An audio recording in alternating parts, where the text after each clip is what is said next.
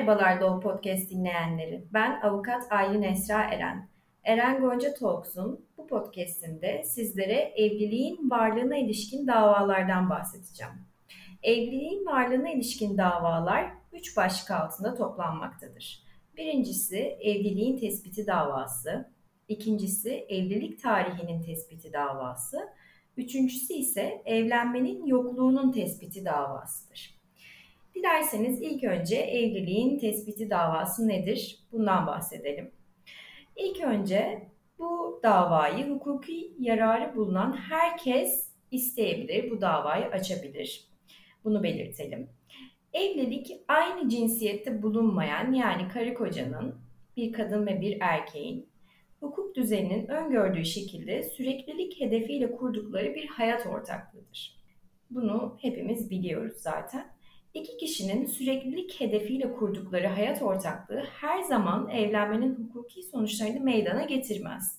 Hayat ortaklığı ancak hukuk düzeninin öngördüğü şekilde kurulmuşsa geçerli bir evlilikten söz edilebilir. İkinci başlığımız olan evlilik tarihinin tespiti davası ise yine hukuki yararı bulunan herkes tarafından istenebilen bir dava tespit ile birlikte düzeltme talebi varsa ilgililer davada yer almalıdır. Evlenme tarihinin tespitinde aile mahkemesi görevlidir. Ancak burada şunu belirtmek gerekir ki bazı illerde, bazı şehirlerde aile mahkemesi kurulmamış olabilir. E, bu durumda Hakimler ve Savcılar Yüksek Kurulunca belirlenen asli hukuk mahkemelerinde davanın aile mahkemesi sıfatıyla görülüp karara bağlanması gerekir. Evlenme tarihinde yürürlükte bulunan hükümlere göre evliliğin tespiti yapılır.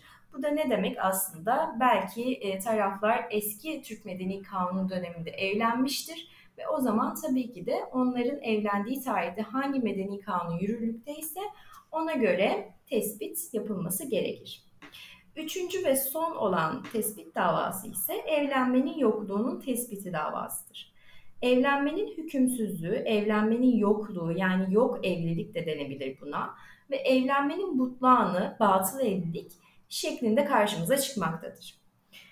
Yok işlem hukuk düzeninde hiçbir hüküm ve sonuç doğurmadığından hükümsüzlük bağlamında bir dava açılmasına gerek bulunmamaktadır. Zaten yok olan bir şeyi e, hakim kendi kendine de dikkate alabilir. Evlenmenin yokluğunda hukuk düzeninin öngördüğü şekilde kurulmadığı için evlenme kendiliğinden hükümsüz ise de bu konuda çekişme varsa ancak bir tespit davası açılabilir. 4721 sayılı Türk Medeni Kanunu'nda yokluk kavramı mevcut değildir. Bu yokluk kavramı Alman hukukçular tarafından yaratılmış ve doktrine sokulmuş bir kavramdır. Butlan hallerinde ise evlilik kurulmuştur ama geçerli bir şekilde kurulmamıştır. Buna karşılık yokluk hallerinde evlenme hiç kurulmamıştır. Başka bir deyişle geçerli bir şekilde kurulmayan evlilikler yok evlilik hükmündedir. Aynı cinsiyette bulunmayan yani bir kadın ve bir erkeğin iki kişinin hukuk düzeninin öngördüğü şekilde süreklilik hedefiyle kurdukları hayat ortaklığı olan evlenme, evlendirme memurunun evleneceklerden her birine birbiriyle evlenmek isteyip istemediği iradesini sorduktan sonra tarafların evet evlenmek istiyorum şeklinde olumlu sözlü beyanlarıyla bu anda oluşmaktadır. Sizin de bildiğiniz gibi evlenmenin bir takım kurucu unsurları vardır. Evlenmek isteyen kadın ve erkek orada bulunmalı. Evlenme işlemi evlendirme memuru önünde yapılmalı ve evlenme iradesi açıklanmalıdır. Kurucu unsurlardan yoksunluk evlenmenin yokluğu sonucunu doğurmaktadır. Evlenmenin yokluğu sebepleri evlenmenin aynı cinsten kişiler arasında yapılması ya da evlenmenin evlenme memuru bulunmadan yapılması veya diğer bir örnek evlenmenin taraflar hazır bulunmadan yapılması şeklinde örneklendirilebilir. Ee, evliliğin varlığına ilişkin davalarda diğer bir önemli husus da dilekçe örnekleridir. Yani hangi davaya nasıl, ne şekilde bu davamızı açabiliriz, nasıl tespit isteyebiliriz? Öncelikle bizim bu davaları aile mahkemesinde açmamız gerekiyor. Fakat az önce de belirttiğim gibi konuşmanın başında bazı illerde, bazı ilçelerde aile mahkemesi bulunmuyor. Nüfus e, kalabalığı olmamasından ötürü.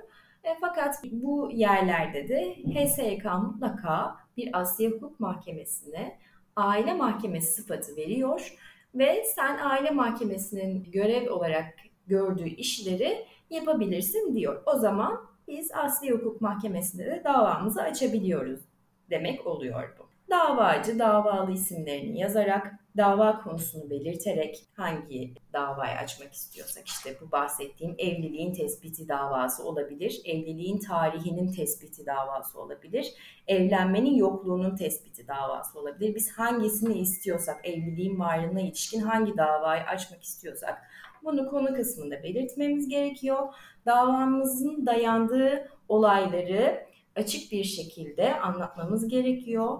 Ee, hem açık, anlaşılır hem de delillerle birlikte anlatmamız gerekiyor. Peki bu davaya, bu dava çeşitlerine ne delil olabilir dersek, nüfus aile kayıtlarımız. Bunlar e-devlet üzerinden de kolayca temin edilebilir ya da bir nüfus müdürlüğüne, bir kaymakamlığa gidilerek de nüfus aile kayıt tablonuzu edinebilirsiniz. Evlenme kayıt örneği eğer bir evlenme gerçekleştiyse evlenme kayıt örneğinde nüfus cüzdanı olabilir. Ee, bunu delil olarak sunmanızı bekler sizden mahkeme. Daha sonra hukuki sebeplerinizi belirtmeniz gerekir. Hukuki sebepler de ilgili kanunlardır. Talep ne istiyorsunuz sonuç istem olarak siz mahkemeden ne talep ediyorsunuz bunu da belirtmeniz gerekir. Tabii ki ne istiyorsunuz? Evlenmenin yokluğunun tespitini istiyorum örneğin.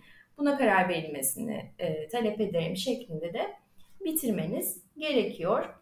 E, varsa tabii vekilinizin vekaletnamesi ve e, bilgilerinde yazılması gerekli.